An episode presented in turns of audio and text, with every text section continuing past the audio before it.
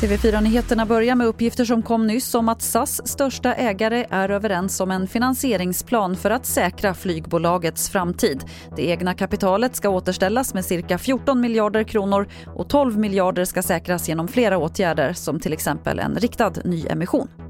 Moderaterna säger att de vill fortsätta förhandla med Socialdemokraterna om migrationen trots att Miljöpartiet hotat med att lämna regeringen om de förhandlingarna fortsätter. Vi kommer inte backa utan vi har vår ståndpunkt och den är i grund och botten ganska lik Socialdemokraternas så som de själva uttrycker den.